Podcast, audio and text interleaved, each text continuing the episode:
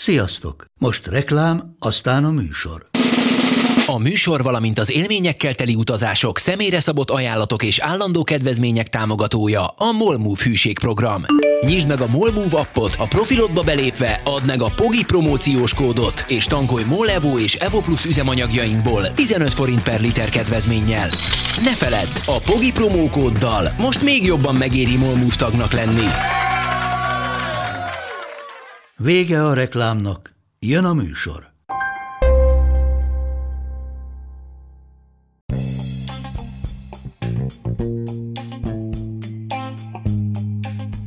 Ez itt a Pogi Podcast. Pogácsa Zoltán közgazdás, szociológus, politikai gazdaságtani podcastja a globális gazdaságról a klímaválság, az automatizáció, a digitális gazdaság, az egyenlőtlenségek és a posztdemokrácia korszakában.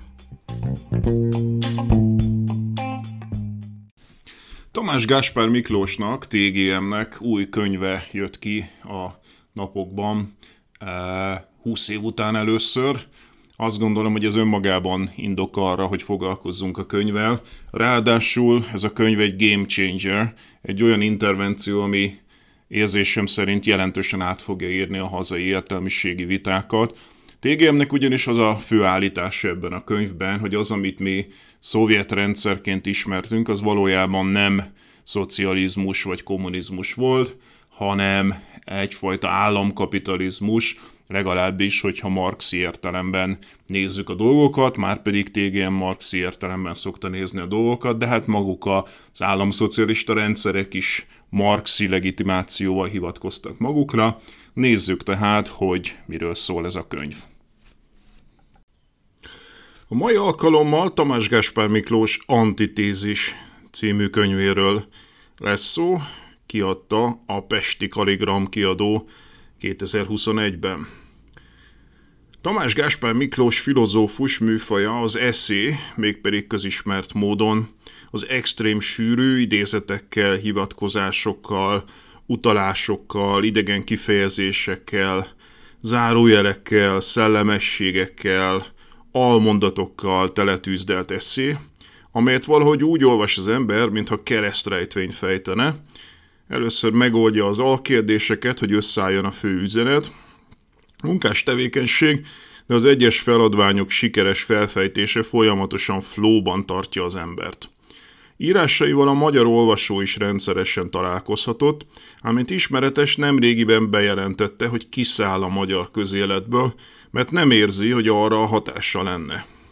Idegen nyelvű írásait azonban lefordítva most kötetbe szerkesztette Sipos Balázs irodalmár. Ünnepnap ez TGM híveinek, hiszen utoljára közel két évtizede jelent meg tőle kötet. Ráadásul az új könyv rendkívül izgalmas, az a típusú intervenció, amely képes átírni az értelmiségi viták alapfogalomkészletét. Tekintsük hát át TGM Game Changer mondani valóját. Államszocializmus helyett államkapitalizmus. A központi üzenet, hogy az 1989-1991 előtt létező szovjet típusú rendszer meghatározásaként az államkapitalizmus kifejezést ajánlja, és helyesen. Hangsúlyozza, hogy a bevett magántulajdon versus állami tulajdon ellentétpár nem kardinális dihotómiája a kapitalizmus szovjet rendszer kettősségnek. Magántulajdon a kapitalizmus előtt is létezett, annak nem sajátossága. Ugyanúgy a piac versus terv sem.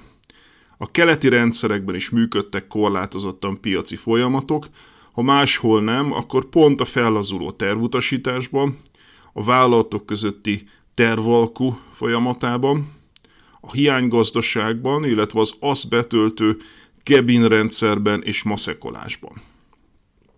A létező kapitalizmusban pedig a tervezést érhetjük tetten, minimum a multik belső működésében, az anticiklikus politikákban, az államilag szervezett gyarmatosításban, a katonai ipari komplexumban, de egyes kapitalizmus válfajok, például a távol-keleti fejlesztő államok esetében konkrét állami tervezésben is. Ha Marx elemzéseiből indulunk ki, már pedig ezek a rendszerek maguk is Marxra hivatkoztak, akkor a vízválasztó a munkás termelőeszközöktől való elválasztottsága. Ez a kapitalizmus lényegi jellemzője. Márpedig, hangsúlyozza joggal TGM, a szovjet típusú rendszerben minden ígéret, retorika és marxizáló legitimitációs kísérlet ellenére a munkások továbbra sem rendelkeztek a termelőeszközökkel. Munkájuk továbbra is ki volt zsákmányolva, az értéktöbletet tőlük eltulajdonították, sőt, azt növekedésre, felhalmozásra fordították, ami ismét csak a kapitalizmus jellemzője. Továbbra is létezett pénz, ár, bér, árutermelés, mind-mind a kapitalizmus jellegzetességei. A szovjet típusú rendszer tehát egyfajta államkapitalizmus volt, mely kategóriának további válfajai lehetnek a távol-keleti fejlesztő államok, vagy a harmadik világbeli modernizációs diktatúrák. Hogy ki volt ebben a rendszerben az uralkodó osztály, az vitatárgyát képezheti. Nem véletlenül burjánzott el az új osztály elméletek irodalma. A kérdés azonban másodlagos ahhoz képest, hogy a rendszer jellegét kapitalizmusként azonosítjuk. TGM szerint ráadásul a vonat a kommunizmus céljaihoz, ígéreteihez képest az első pillanattól kezdve a másik irányba indult el. Nincs egyébként egyedül ezzel a tézisével, ennek a nyugati marxizmusban vaskos irodalma van, Érdemes például megnézni a YouTube-on a videót, ahol Noam Chomsky mondja ugyanezt a Lenini rendszerről. Gazdasági értelemben a NEP, az új gazdaságpolitika bevezetése jelentett visszarendeződést a kapitalista árutermelésbe, árakkal, bérekkel, boltokkal. TGM politikai értelemben a Kronstadti lázadást említi visszatérően, mint visszafordulást.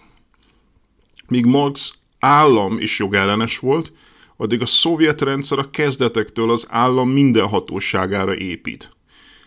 Nagyjából Stalin halála és az 1956-os forradalom időpontja az a fordulópont, amikor a marxi munkás uralomra vonatkozó eredeti ígéret megvalósításának reménye is teljesen kifullad.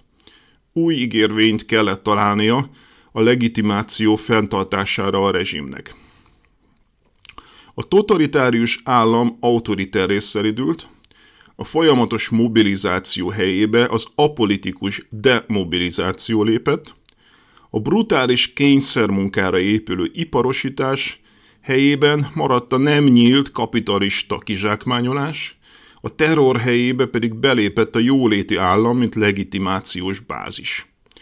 De csak Kelet-Európában, Kínában például nem. Egyes országokban, mint Románia, Jugoszlávia, az uralkodó elit még a nacionalizmust is felhasználta a támogatottsága fenntartásához, ismert módon tragikus következményekkel. A bérmunka kényszer alóli univerzális felszabadítás helyébe az újraelosztó egyenlősítés, a társadalmi mobilitás megteremtése került. Az elidegenedés felszámolása helyett az igazságtalanság felszámolása lett a cél. Kvázi kénysziánus életszínvonal politikát alkalmazott az egypárt. Mindezt a keleti blokk a nyugati szocdemektől leste el. Mindezek kétségkívül jelentős civilizációs vívmányok. A szovjet rendszer apologétái rendszeresen utalnak is rájuk, mint a széles társadalmi mobilizáció csatornáira. TGM azonban helyesen hangsúlyozza, hogy miközben ezeket a modernizációs eredményeket fontos elismerni, ezek poliszik, szakpolitikák voltak, nem pedig a rendszer gazdaságfilozófiai lényege. A megvalósult szovjet típusú rendszerek rendre mezőgazdasági, rendi vagy kasztársadalmakba jöttek létre, nem pedig kapitalistákban, ahogy azt Marx korábban jósolta. TGM szerint az általuk elvégzett modernizáció lényege az volt, hogy ezekből a rendi társadalmakból osztálytársadalmakat csináltak. Idézem, a marxizmust Oroszországban a modernség centrális elméletének tekintették, amely ugyanazt a történelmi funkciót tölti be, mint a 19. századi Nyugat-Európában a korai liberalizmus idézet vége, írja TGM. De arra is felhívja a figyelmet, hogy még a szovjet rendszer a proletariátust, a proletár életformát idealizálta, addig maga Marx ezt egyáltalán nem tette, sőt, felszámolni akarta az egész osztályt a kapitalizmussal együtt. Ezért is érthetetlen amúgy, amikor a létezett rendszer szimbolikájának kultikus követői máig hatóan a proletár létformát fetisizálják, vagy idealizálják. Kulcsfontosságú, amit TGM arról ír, hogy a társadalom és ezen belül konkrétan a munkásmozgalom tudatos és szisztematikus atomizálásával a szovjet típusú államkapitalizmus a nullára csökkenti az ellenállást a 89 utáni kelet-európai kapitalizmus számára. A szovjet rendszer előtti hagyományos jobboldali, konzervatív, társadalmi szolidaritást és ellenállást ugyanúgy megsemmisítették, mint a munkásmozgalmat. Utóbbit a hatalomra került leninista, sztálinista pártok részben felmorzsolták, részben beolvasztják bürokratikus, diktatórikus rendszerükbe. Se körmenet, se sztrájk, hangsúlyozza TGM újra és újra. De szétverte a rendszer, a részvétel, a szolidaritás, az ellenállás etoszát is, azaz lelki értelemben is védekezésképtelené tette a munkásosztályt. Az úgynevezett proletár diktatúra nem tett mást, mint a munkásosztály hatalmának idézőjelben szánalmas látszatára hivatkozva megszüntette magát a politikát is, hívja fel a figyelmet TGM.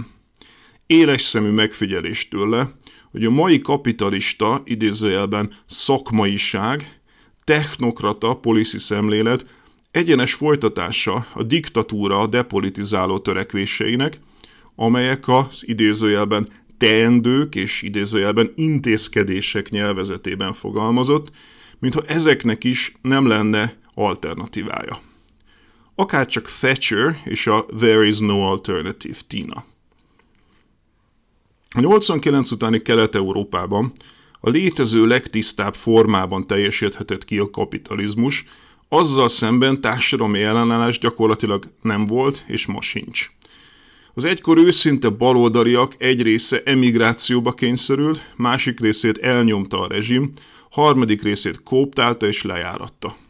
A gumipecsét szakszervezetek a rendszerváltásra a meghaladandó rezsim részeivé váltak.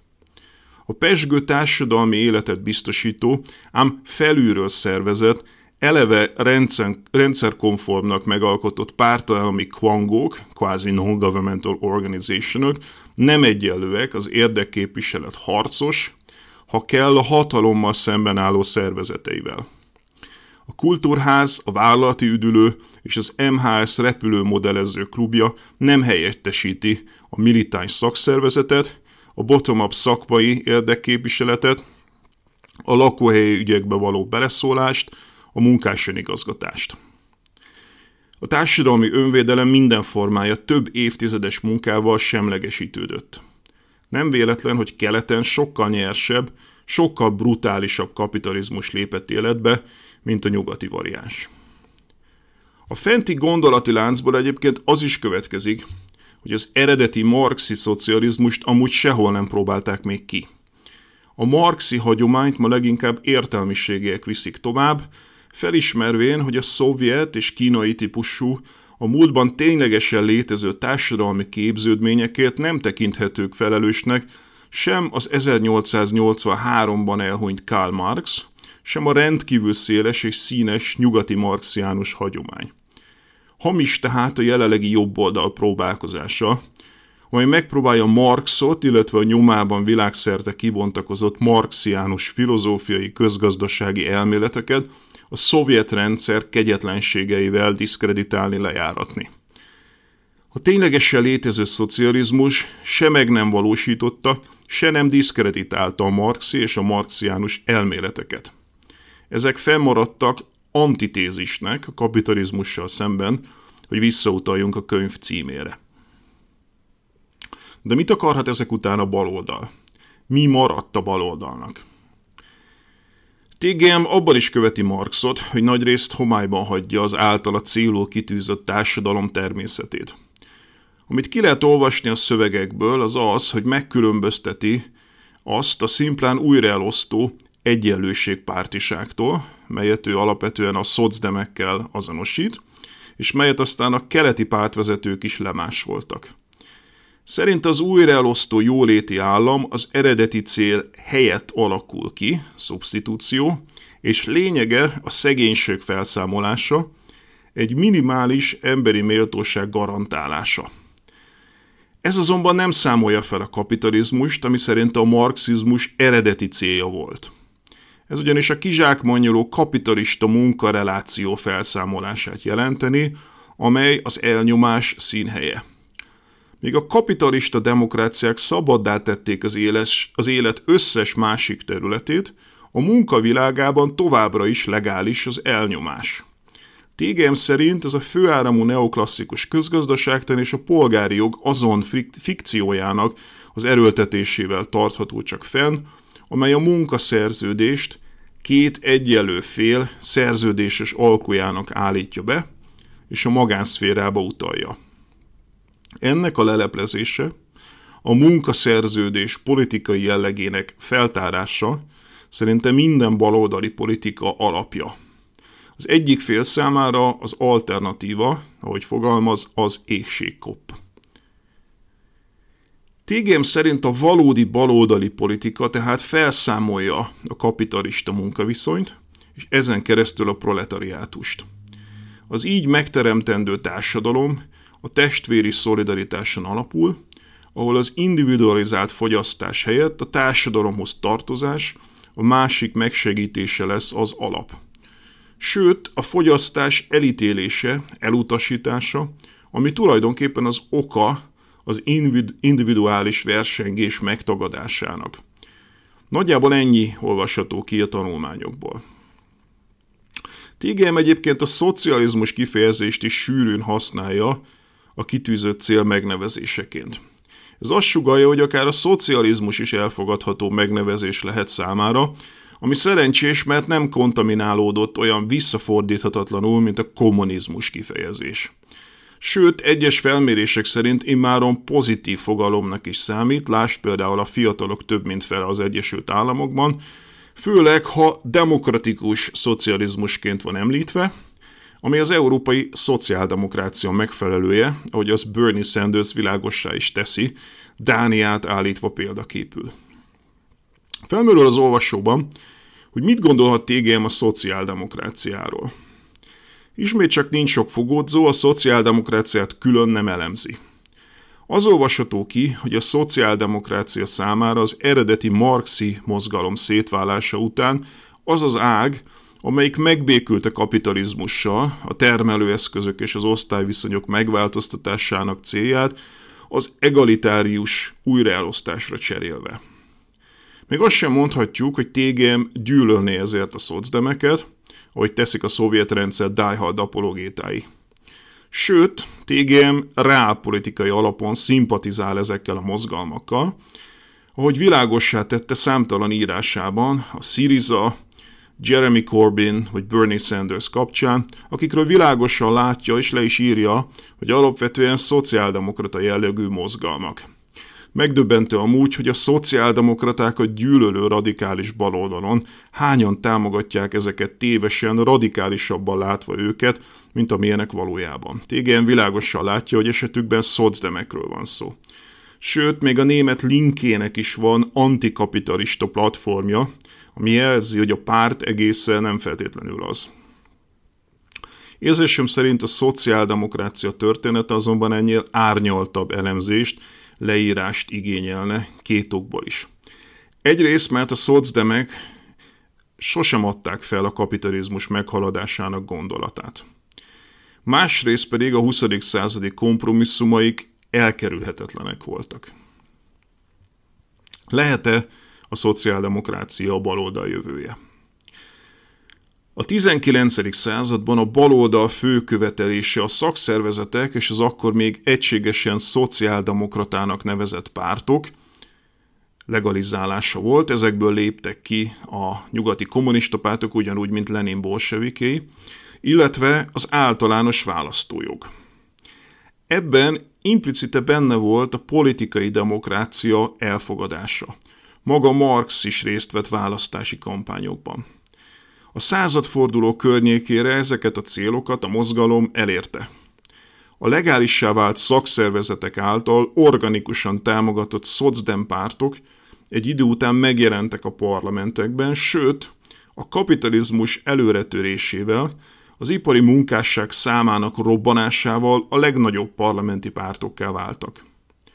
Az első világháború után a kérdés úgy merült fel, hogy vállalja-e a szociáldemokrata párt a kormányzást polgári demokráciákban.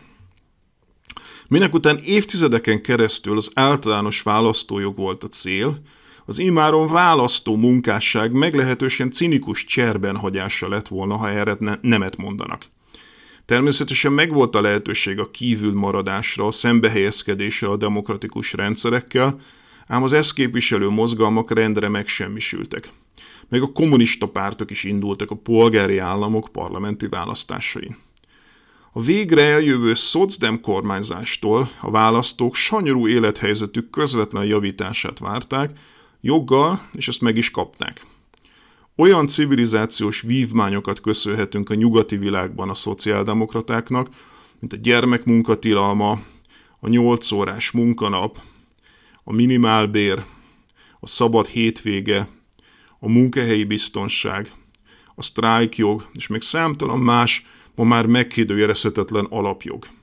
Illetve a progresszív adórendszer, az ingyenes és magas minőségű oktatás, egészségügy, a dotált közösségi közlekedés, a várostervezés, a természetvédelem. Egy igazságos, de egyben szabad társadalom, összegezve a szociáldemokratáknak nem is nagyon volt más választása. Kapitalista országokban a munkások elenyésző kivétellel nem csináltak olyan forradalmakat, amelyek a kapitalizmus eltörléséről szóltak volna. Később természetesen törtek ki radikális baloldali tömegforradalmak, ám csupa olyan országban, Oroszország, Magyarország, Jugoszlávia, Kína, Kuba, stb., amelyekben az időtájt alapvetően prekapitalista viszonyok voltak, azaz ezek nem a Marx által várt antikapitalista fordulatok voltak. Ahogy maga TGM is leírja, a marxizmus sokkal inkább modernizációs történelem filozófiája miatt választották a Leninek, Kumbélák, Maók, Titók és Kasztrok. Árulkodó, hogy a nyugati baloldal sorsát TGM mindvégig a kontinentális pártok alapján elemzi, de hallgat a skandináv szociáldemokráciáról. Ez óriási vak volt, ugyanis a német, illetve a skandináv szocdemek 30-as évekbeli stratégiája közti különbség az egyik legfontosabb tanulsága a 20. századnak. Ahogy azt Mark Blythe, Stephanie Mudge, Sherry Berman és mások megírták, a német szocdemek fiskálisan konzervatív, ez a költségvetés kiegyensúlyozására törekvő kormányzásukkal gyakorlatilag megnyitották a teret általában a szélső jobboldal és konkrétan Hitler előtt. Hiába volt az SPD korábban minden szociáldemokrata párt anyapártja és szervezeti musztere, így a skandinávoké, a magyaroké és az oroszoké is, a Weimári köztársaság összeomlása nem kis részben az ő saruk. Az első virágháborús pusztulás, a jóvátételi kényszer és a nagy gazdasági világválság természetesen rettenetesen nehéz körülményeket teremtett, de a kormányzati döntések szerepe kardinális volt. A történet kulcsfigurája Rudolf Hilfeting, szocdem pénzügyminiszter, egyéb iránt kiváló marxista közgazdász. Ugyanakkor pénzügyminiszterként a felelős költségvetés híve idézőjelben elutasította a saját pártjából és a szakszervezetektől jövő keresletélénkítő terveket. Ezzel gyakorlatilag előfutára volt a Giddensi harmadik utas szocdemek megszorító gazdaság filozófiájának ugyanúgy, mint az általuk okozott összeomlásnak és a jobb oldal térnyerésének. Hatalomra kerülése után aztán Hitler minden pénzügyi korlátot felmondott, a valósakat és a képzeli, képzeletbelieket is, ami hozzájárult népszerűségéhez. Nem lehetne nagyobb a kontraszt, mint a svéd szocdemek választott alternatívája. kormányra kerülve jóval kényszelőt, kvázi kénysziánus anticiklikus keresletélénkítő politikába kezdtek, és ezzel elkerülték a gazdaság összeomlását, a szélső jobboldal térnyerését.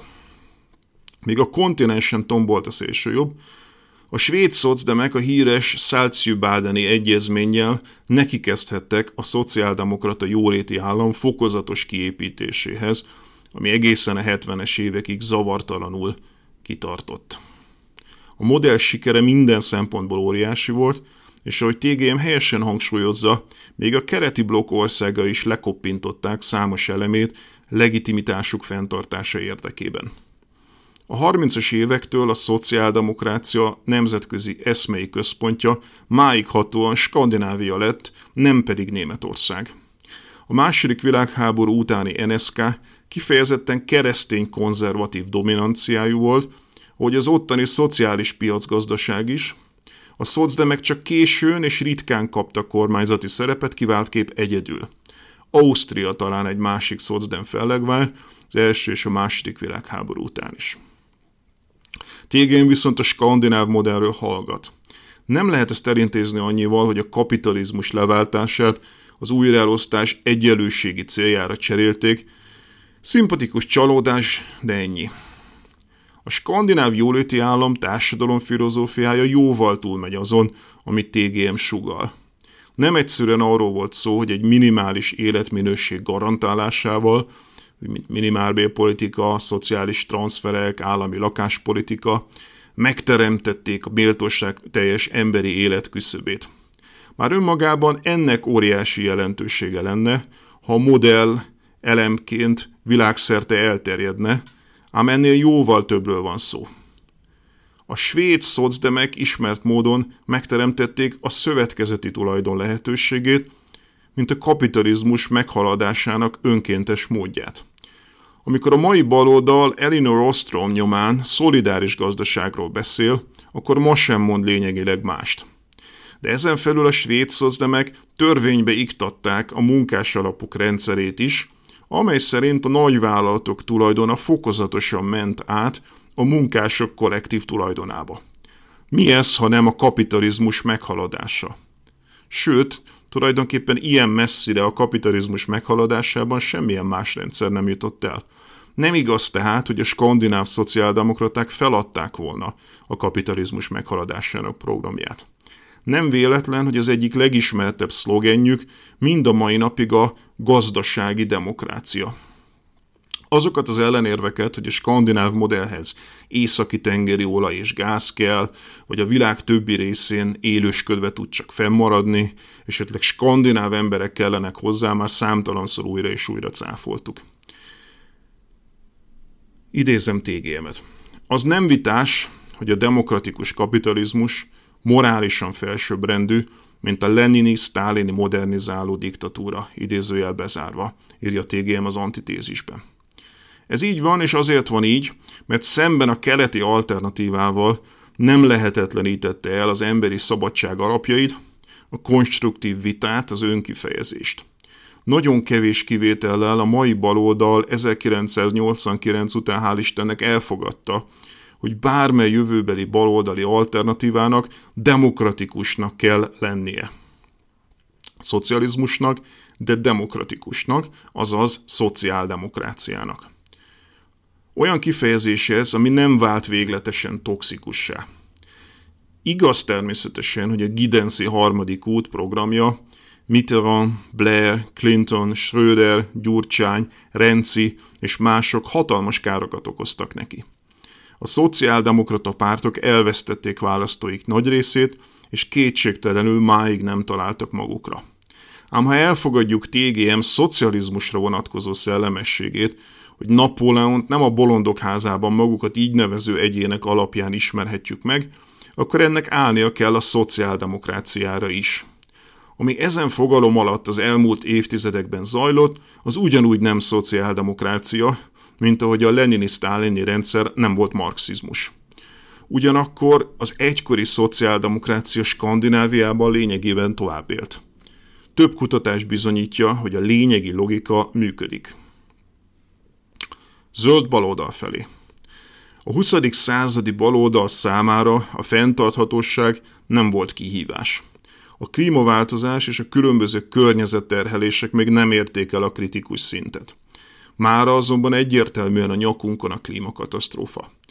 Ugyanakkor ezzel párhuzamosan az egykor elszerű zöld pártok úgy érnek el választási sikereket, hogy feladták kritikájuk nagy részét a kapitalizmussal szemben. Semmi ok nincs arra, hogy a demokratikus szocializmust, szociáldemokráciát valló pártok ne legyenek egyben a valódi zöld gondolat zászlóvivői is. Hogy TGN fogalmaz, a marxi célban benne foglaltatik az egyéni fogyasztás, a folyamatos növekedés és a felhalmozás elutasítása is. Nem is szólva a fenntarthatóság megteremtéséhez szükséges globális újraelosztásról. Egy valódi zöld párt nem lehet más, mint baloldali, és egy baloldali párt magától is értetődően zöld.